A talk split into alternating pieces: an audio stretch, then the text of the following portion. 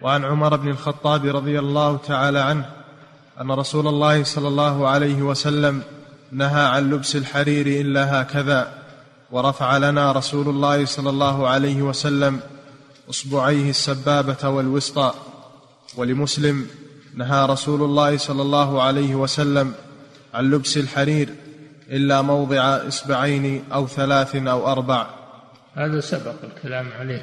هذا مما يستثنى من الحرير وهو الطراز الذي يكون على الجيب أو على الأكمام أو على فروج الفروة.